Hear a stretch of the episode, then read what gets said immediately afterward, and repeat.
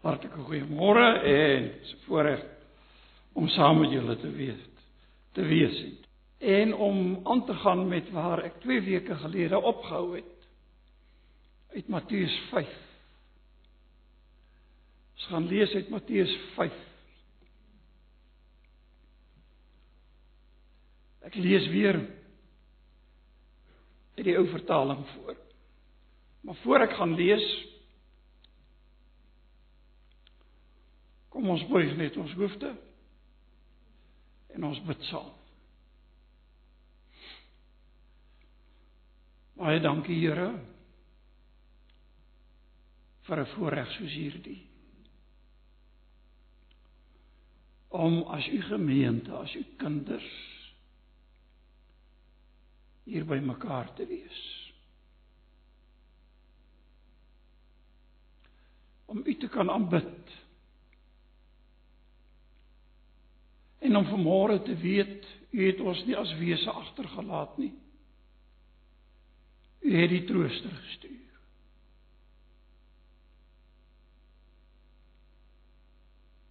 En om om te aanvaar. Hy is in hierdie oomblikke hier by ons. En bovenal dank ons U dan ook, nie net vir die teenwoordigheid vir die Heilige Gees nie, maar ook vir die woord wat deur hom geïnspireer is wat ons voor ons kan oopmaak.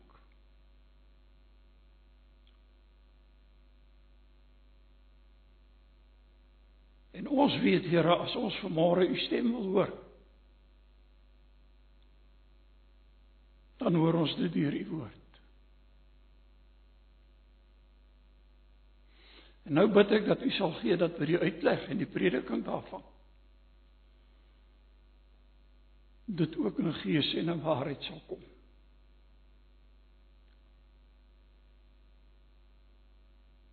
En vir ons sal help as mense om nie by te voeg by U woord of weg te laat nie. Maar U woord met die ontzag en die eerbied hanteer omdat dit van u afkom. Ons bid vanmôre vir elkeen wat hier is. U ken ons. U ken ons behoeftes. Maar dat u sal voorsien na die rykdom van u genade. Bid vir u werk hier vir elke lidmaat, vir elke belangstellende, vir elke kind. Waar die skole weer hierdie week hervat, bid ons dat U sal gee dat in hierdie hierdie nuwe kwartaal almal gewaar sal word van U hulp, U bystand, U ontferming. Dan vra ons nou ook vir die versterking van ons geloof. En dit vra ons alles in Jesus naam. Amen.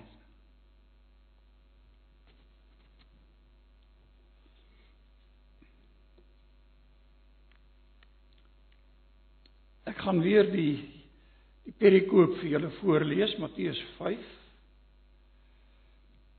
en dan nou net aangaan met 'n met 'n vinnige terugverwysing na 2 weke terug se boodskap. Ons lees hier in Matteus 5 vers 1 en toe hy dit is Jesus die skare sien het hy op die berg geklim. En nadat hy gaan sit het, is sy disippels na hom gekom. En hy het sy mond geopen en hulle geleer en gesê: Salig is die wat arm van gees is, want aan hulle behoort die koninkryk van die hemele. Salig is die wat treur, want hulle sal vertroos word. Salig is die sagmoediges, want hulle sal die aarde beerwe. Salig is die wat honger en dors na die geregtigheid, want hulle sal versadig word. Salig is die barmhartiges, want aan hulle sal barmhartigheid bewys word. Salig is die wat rein van hart is, want hulle sal God sien. Salig is die vredemakers, want hulle sal kinders van God genoem word. Salig is die wat vervolg word ter wille van die geregtigheid, want aan hulle behoort die koninkryk van die hemele. Salig is julle wanneer die mense julle beledig en vervolg en valslik allerhande kwaad teen julle spreek om my ontwil. Verbly en verheug julle omdat julle loon groot is in die hemele. Want so het hulle die profete vervolg wat voor julle gewees het. Ek lees net hierdie gedeelte. En my bede is dat dat die Here vir ons ryklik sal seën in hierdie oomblikke. In hierdie woord opnuut sal vasmaak in ons harte. Vir my het dit my voorbereiding op hierdie gedeelte en verder aan soveel beteken. Want skielik het ek weer besef. Wat beteken hierdie salig sprekinge of die bergrede? Nou net vanaand die woord salig wat hier gebruik word, ek hou van die woord. Die nuwe vertaling gebruik die woord geseënd en daar's niks meer verkeerd nie. In die 1975 vertaling, proefvertaling, dink ek het dit vir julle gesê dat die woord gelukkig gebruik. Die woord salig is net my eie denke vir my so omvat.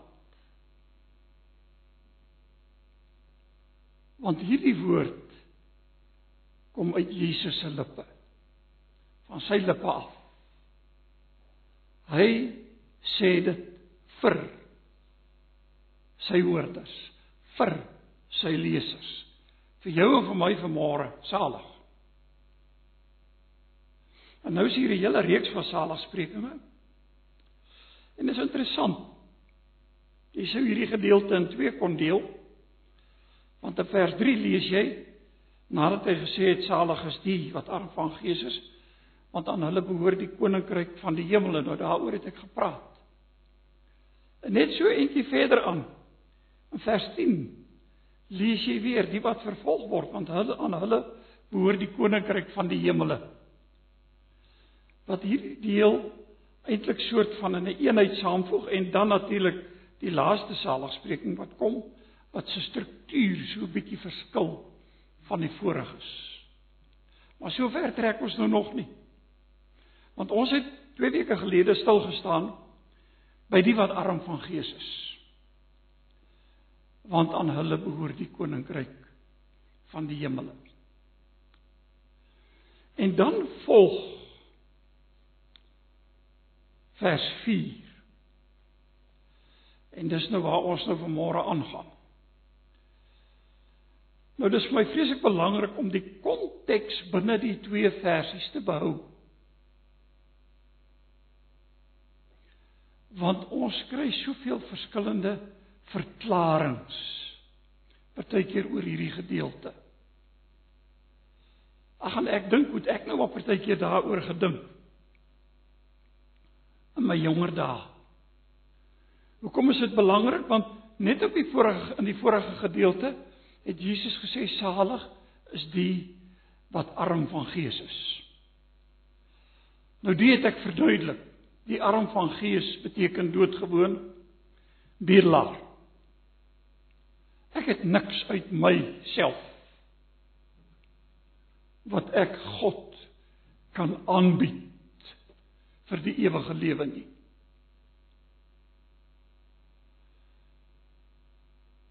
Hoe die profeet gesê die volk se eie geregtigheid is soos 'n weg weg, werklike kleed voor die aangesig van die Here. So ek het niks.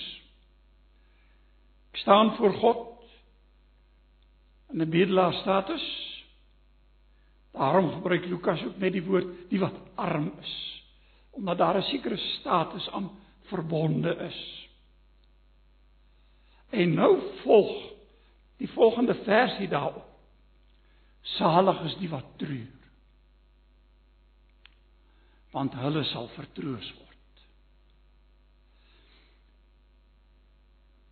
Nou dis nogal twee teenpole, is dit nie? Treur en troos. En ons weet van hartseer in ons lewe, nie waar nie? Die afgelope Nou moet ek mooi dink verlede week. Ons was nou by twee begrafnisse. Een van 'n jonger man.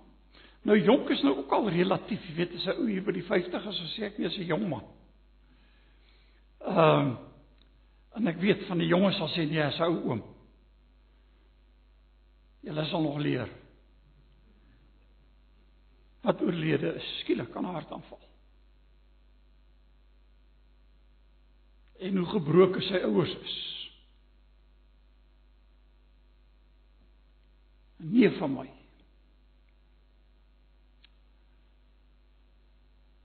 En al wat ek hom kon sê is ouers is daar om kinders te begrawe.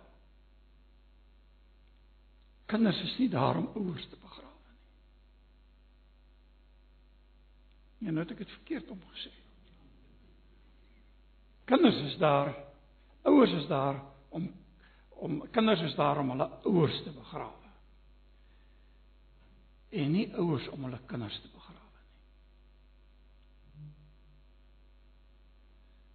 En dit is mos so. Ek ek kan my nie indink Ek wil my nie indink aan die hartseer van die ouers nie. Ek kan ook nie kom en sê my meegevoel nie, want wat beteken dit? Hoe weet ek werklik hoe iemand anders voel? Ek het al baie keer gedink 'n mens moet vir so iemand sê al wat ek kan doen is om net saam met jou te huil. Want ek kan niks meer vir jou sê nie. Ons is baie keer so slim met ons antwoorde. In die ander geval was 'n uh, nog nie nog nie 'n ou mens nie, 'n ouer dame.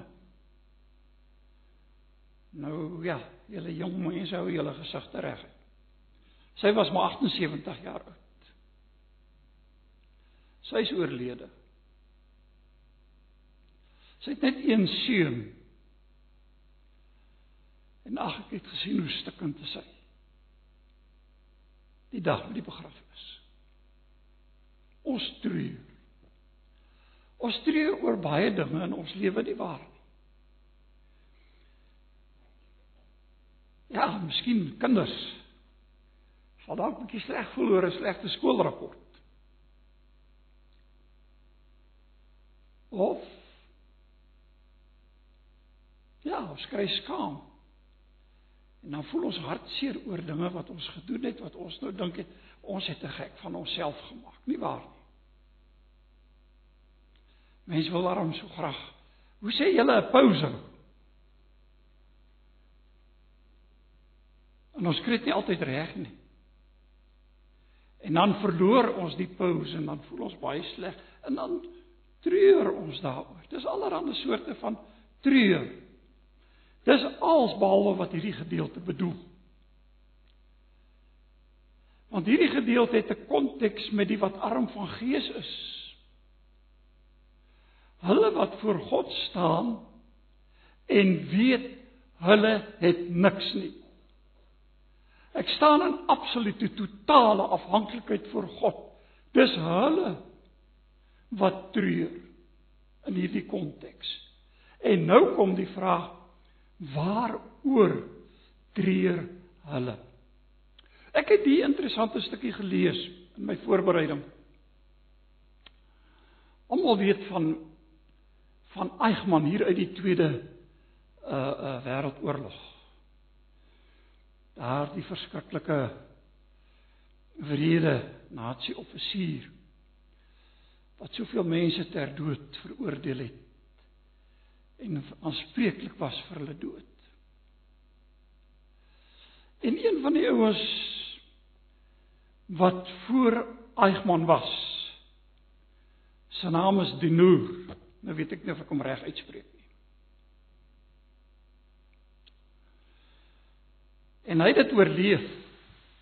En 20 jaar nadat hy voor Eichmann verskyn het, kom hy in die hof waar Eichmann verhoor word vir oorlogsmisdade. En hierdie dinoor het ingestap. Hoe oud hy was, weet ek nie. Maar toe hy Eichmann sien in die beskuldigde bank, toe bars hy in trane uit. En hy sak net daar in mekaar. En die mense help hom op, want die regter sê as hy nie kans sien nie, kan hulle wag. Toe sê hy nee, ons gaan voort. En toe sê die mense nou na die tyd nou, hoekom het jy so gehuil? Hy sê toe ek instap en ek Eichmann daar aan die skuldigde bedank in die beskuldigde bank sien. Toe weet ek hy is nie hierdie goddelike met 'n klein lettertjie magtige figuur wat kan besluit oor mense se lewe en dood nie. Hy's 'n mens net soos ek.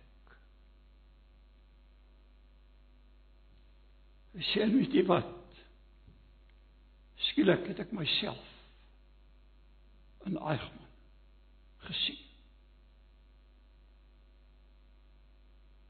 En besef maar daar's nie werklik so verskil nie. En van daar sy gebrokenheid want hy het homself skielik gesien vir wie en wat hy is. Het hulle die konteks die wat arm van gees is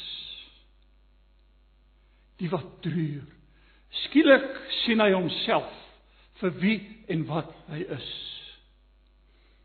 Skielik sien ek myself vir wie ek is. Die bedoeling hier van treur is dis nie lang gesig Christen mense nie. Alles behalwe dit. Die bedoeling van treur is ook nie soos die een ou gesê het toe hy die erediens uitgekom het. Hy sê hy weet wat? Ek het vandag uit die diens uitgekom en ek is nie te neergedruk nie. Dis nie die bedoeling nie. Die bedoeling van treur is ek treur oor wie en wat ek werklik is. Ek ken myself. Ek kan huil oor my sonde. Ek kan huil voor God oor my gebrokenheid. Ek kan treur voor sy aangesig want ek weet wie en wat ek is. Daar's baie verkeerde maniere van treur en hartseer wees. Ons lees in die Bybel van so so 'n uh, 'n uh, aangrypende voorbeeld van Ammon en Tamar. toe hy begeerte gehad het na sy suster wat nie mag wees nie. En die Bybel sê hy daaroor getreur. Ons kan treur oor verkeerde goed. Maar ons in hierdie konteks sê ons treur. Want ons weet wie ons is. Ons is arm van gees. Ons het niks. En daaroor treur ons. En weet julle Dis vir my so treffend en julle kan ag ons ken daai gedeelte. Ek het al hier daaroor gepreek en ek wil net so enkele opmerkings daaroor maak.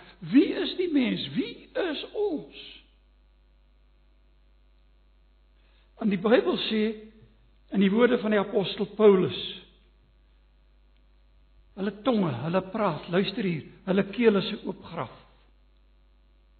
Met hulle tonge pleeg hulle bedrog. Die gif van adders is onder hulle lippe.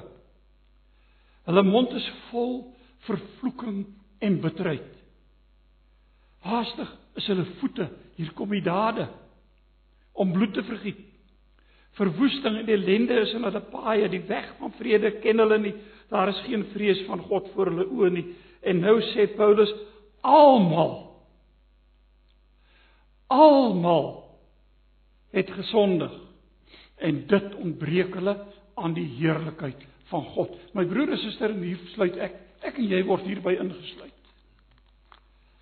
Hoe goed en hoe vroom ons ook al is. Ons weet hoe maklik struikel ons met die tong. Seker die maklikste struikeling wat daar is. Ons weet hoe maklik struikel ons met die gedagtes. Want niemand anders weet mos wat ek dink nie. En as ons hierdie Matteus 5 verder gaan lees, veral waar die wet ter sprake kom,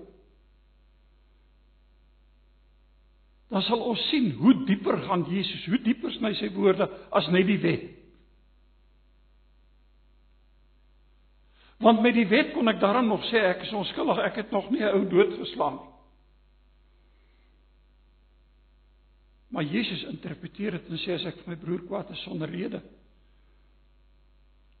Die wet sê ek mag nie egbreek pleeg nie, maar Jesus sê as jy na 'n vrou gekyk het om haar te begeer. En nou as ons sien hoe diep sny die wet in wat Jesus hier interpreteer, broer en suster, Salig is die wat treur.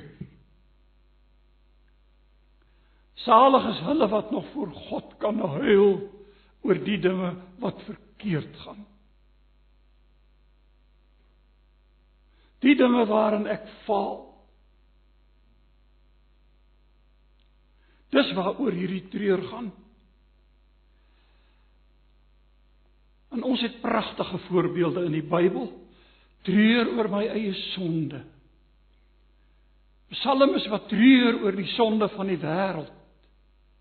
Jeremia wat treur oor die sonde van sy volk. En as ons aan al hierdie dinge begin dink wat die Bybel waarlik sê ons oor kan treur, dan het ons inderdaad veel om oor te treur.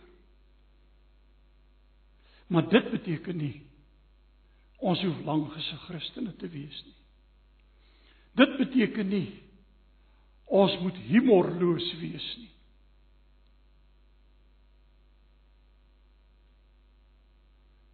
Nee. Maar dit beteken ek treur oor die regte dinge. Ek treur. Dis nie populêr by die wêreld nie, die wêreld wil lag. Die wêreld wil vergeet mag ons nooit vergeet nie. Maar mag ons as Christene ook saam lag. En saam vrolik wees. En saam die Here verheerlik. En ek het nog altyd goeie humor. Baie waardeer.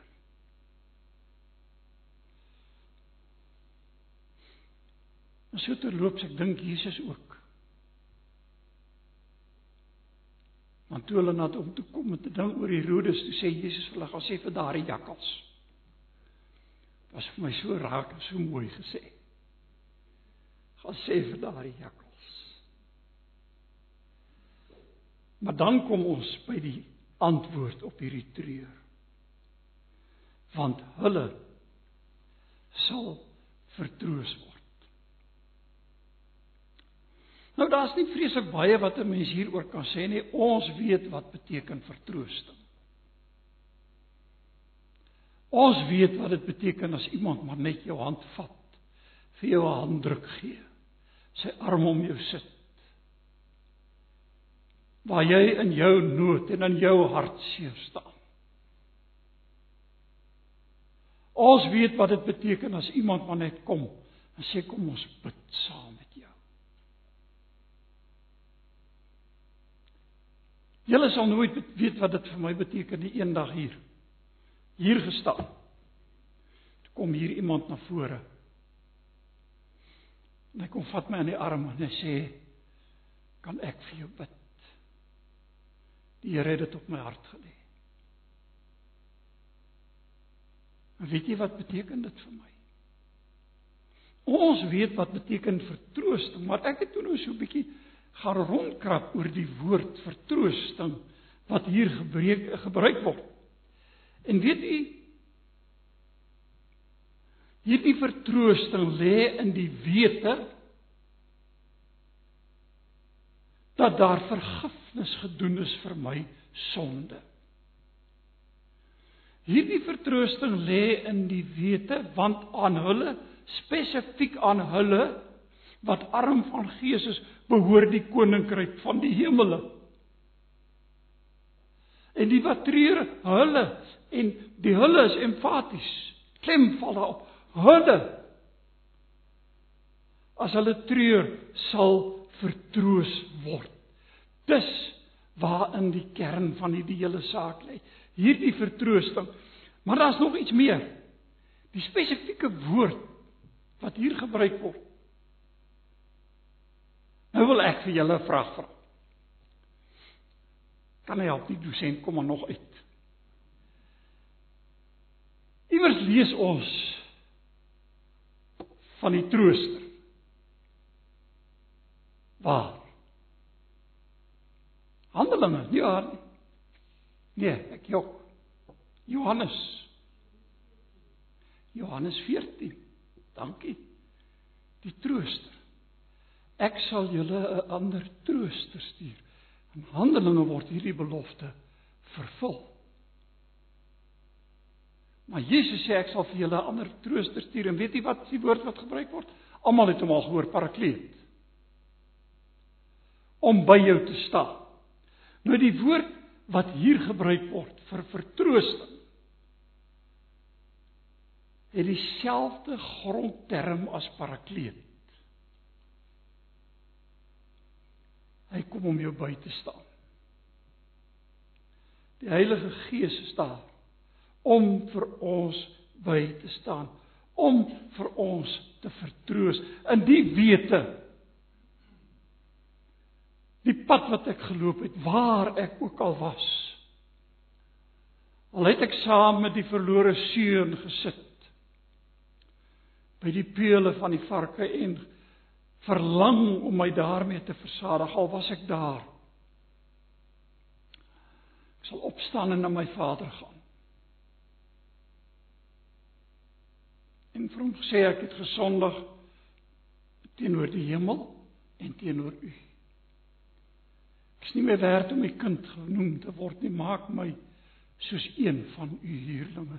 En wat het die pa gemaak? Julle onthou. Iets baie onwaardig veral vir 'n ouer persoon in die Joodse tradisie. Hulle het nie gehardloop nie. Nou ek sal nou as 'n baie waardige ou beskou kan word, maar die rede is ek kan nie meer hardloop nie, maar dit nou daar gelaat. Hy hardloop sy seun tegemoet. En hy omhels hom. Wat myne is, is joune. En hier in vers vers 3 het ons as dit ware om te gemoed gehardloop. In vers 4 het hy gesê omdat ek treur arms om my gesit en hy sê vir jou en vir my wat myne is is joune. Is daar nie 'n rykdom in hierdie saligsprekinge nie? 'n Rykdom wat ons nooit ten volle sal kan besef nie. Maar dan volg hy. En hy gaan aan hier in vers 5. Nadat hy gesê het salig is die wat treur want hulle sal vertroos word. Kom die kom die Here Jesus en hy sê salig is die sagmoediges want hulle sal die aarde beerwe. Sagmoedig. Ken jy mense wat sagmoedig is? Dit is nie 'n plesier om so iemand te ken nie. Sagmoedigheid. Maar weet jy? En ek weet, hier's nou 'n paar paar jonger op mense ook. Kyk, hierdie jong daar, jy weet, is mos hy ou wat die sterkste is. En uh die ou wat die vinnigste die hou kan inkry. En baie keer is dit ook die ou wat die vinnigste is met die tong. En die tragedie is, weet julle, ek het al in 'n kerk 'n kerkvergaderings, ek bedoel algemene kerkvergaderings gesit. En dan dink ek by myself, wat lyk met die ou met die gladste mond, mond wen die argument. Of met die grootste mond. En hier kom Jesus en hy sê salig is die sagmoediges. Weet julle wat sien ek voor my? Ek sien twee mense voor 'n goewerneurshuis staan. Die een is 'n magtige man. Hy het baie mag tot sy beskikking. Hy kan maar spreek en die dinge sal gebeur. Almal luister. As hy gepraat het, het hy klaar gepraat. O ja, Die aarde behoort aan hom. Want hy is in 'n regeringsposisie. Wel, weliswaar onder die Romeinse keiser. Maar op 'n ander manier behoort die aarde mos aan hom want hy het mos daar die posisie. Ek dink aan Pontius Pilatus. En teenoor hom hierdie vrye man staan 'n gevangene.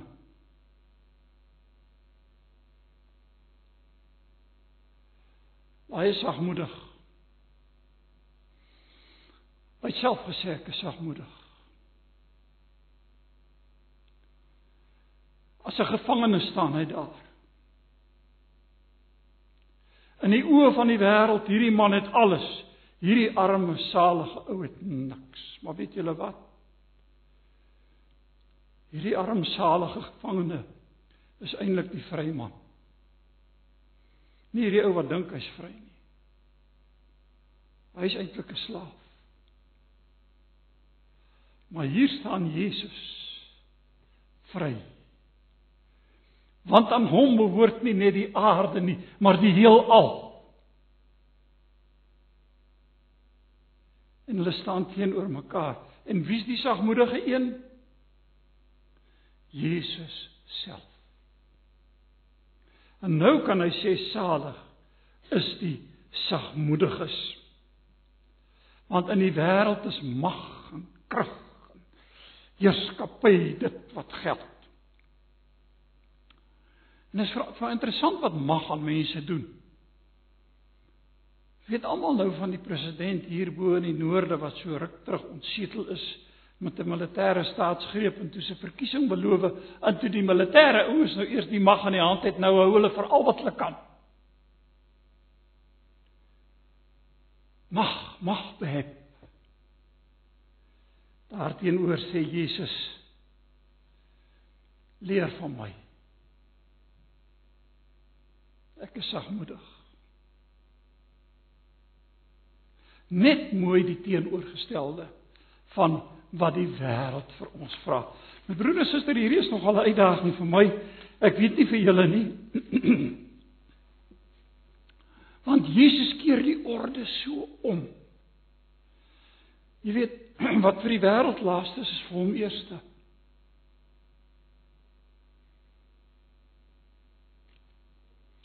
Gee om te ontvang. Maar die teenoorgestelde wie sy lewe verloor om my omwil en om evangelie omwil sal dit vind teenoor verloor staan vind En hierdie hierdie kontraste is so erg. Ek het 'n hele reeks van hulle opgenoem. Ek gaan nie almal van hulle vir julle gee nie. Laat ons waak. Want ons konteks staan daar vir sterk wees. Alles aan my voete hê. Maar sagmoedig in Jesus se terme beteken gewoon sag meelewend meegevoel iemand wat kan huil by die graf van Lazarus. Iemand wat die skare in 'n jammer kry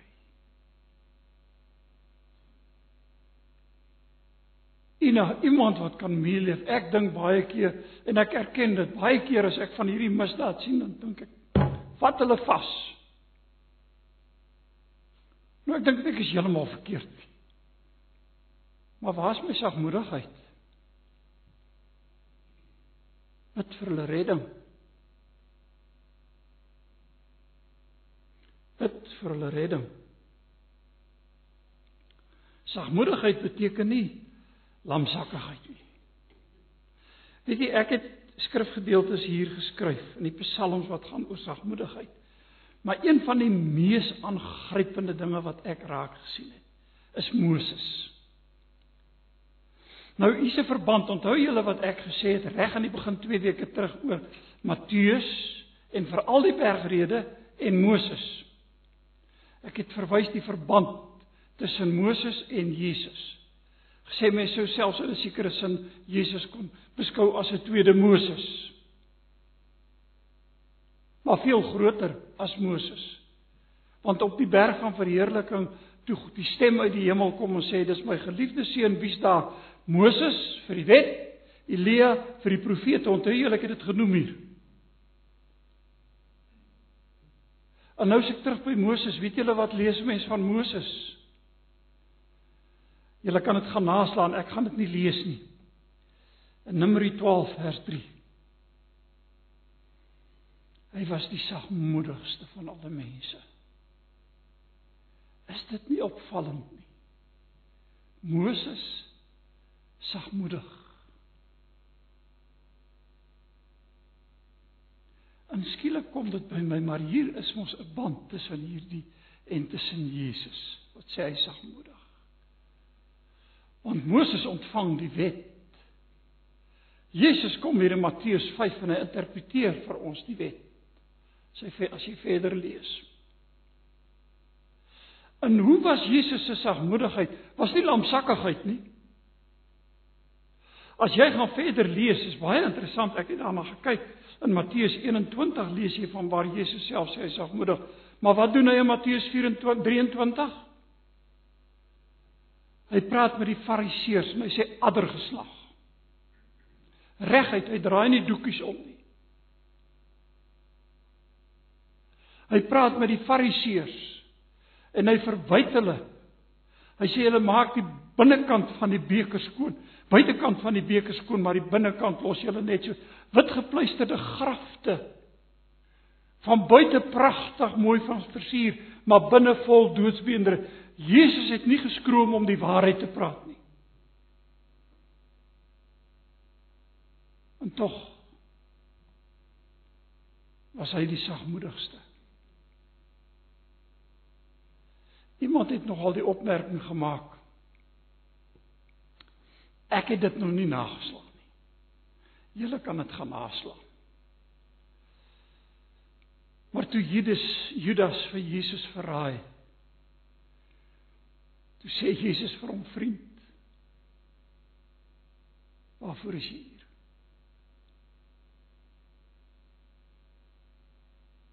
Intussen tyd is Judas besig met die grootste verraad van alle tye.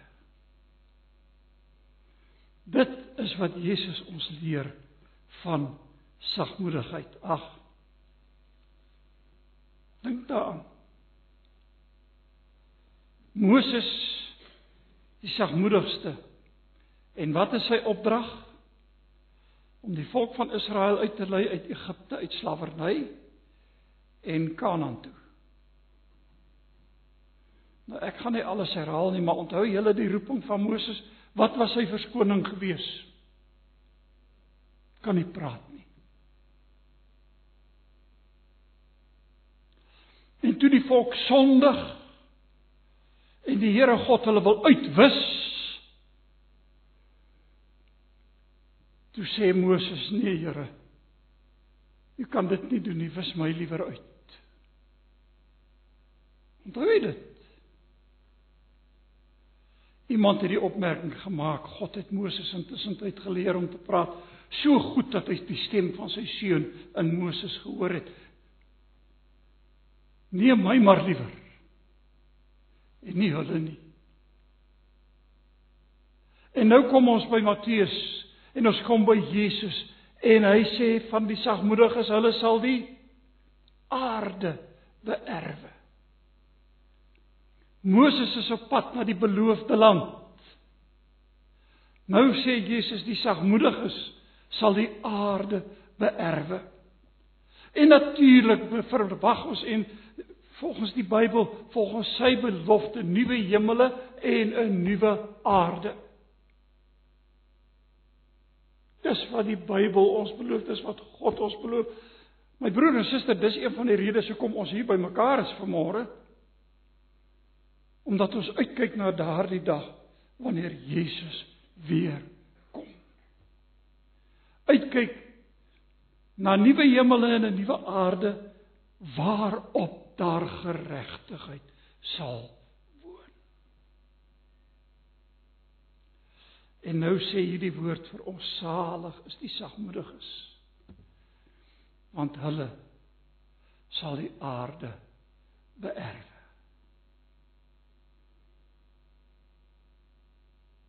Broer en suster, alle wat treur, dit sê die Bybel vir ons, hulle sal vertroos word. Sagmoediges uit die mond van Jesus sê vanmôre vir ons, hulle sal die aarde, hulle spesifiek net hulle, dis weer emfaties, hulle sal die aarde beerf.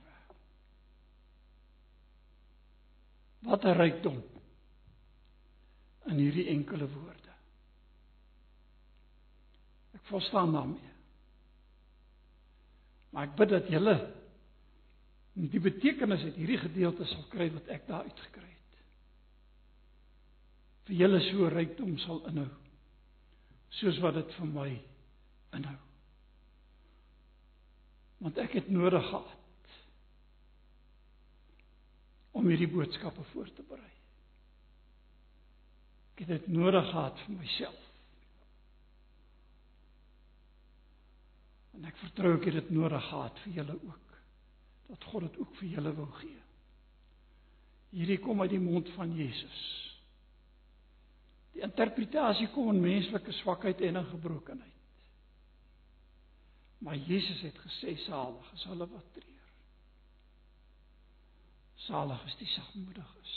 Kom ons buig ons hoofde in gebed. Dankie Here vir hierdie paar oomblikke so saam. Vir die wonder van u woord en van hierdie bergrede, die saligsprekinge. Dankie dat ons hierdie vanmôre kan toeëien. En na u toe kan kom net soos ek is. Geen hulp naby. Alleen u bloed gestort vir my. Dat ons na u toe kon kom met ons trane. Berou oor ons sonde, ons gebrokenheid. En dat ons na u toe kan kom en sê vir u vra Ag Here, help vir ons om iets van Jesus se gesindheid te openbaar. Sagmoedig te wees soos Jesus. Amen.